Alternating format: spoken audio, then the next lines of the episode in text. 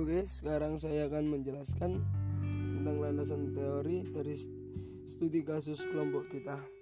Kasus yang terjadi di Papua beberapa hari yang lalu yaitu kerusuhan yang mewarnai pemberitaan di tanah air kita.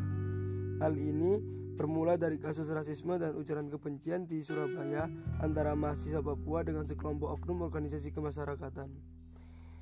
Antar kelompok tersebut terlibat kesalahpahaman karena diduga terdapat mahasiswa Papua yang melakukan penghinaan terhadap bendera negara Indonesia.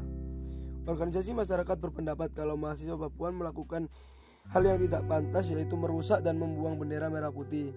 Pendapat itu berbanding terbalik mahasiswa Papua yang tinggal di asrama mahasiswa, mereka mengatakan tidak melakukan hal yang dikatakan oleh organisasi masyarakat.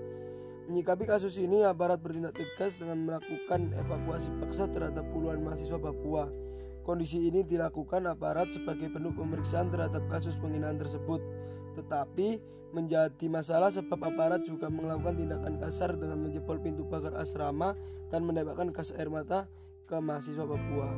Selanjutnya akan dijelaskan oleh rekan saya. Terima kasih.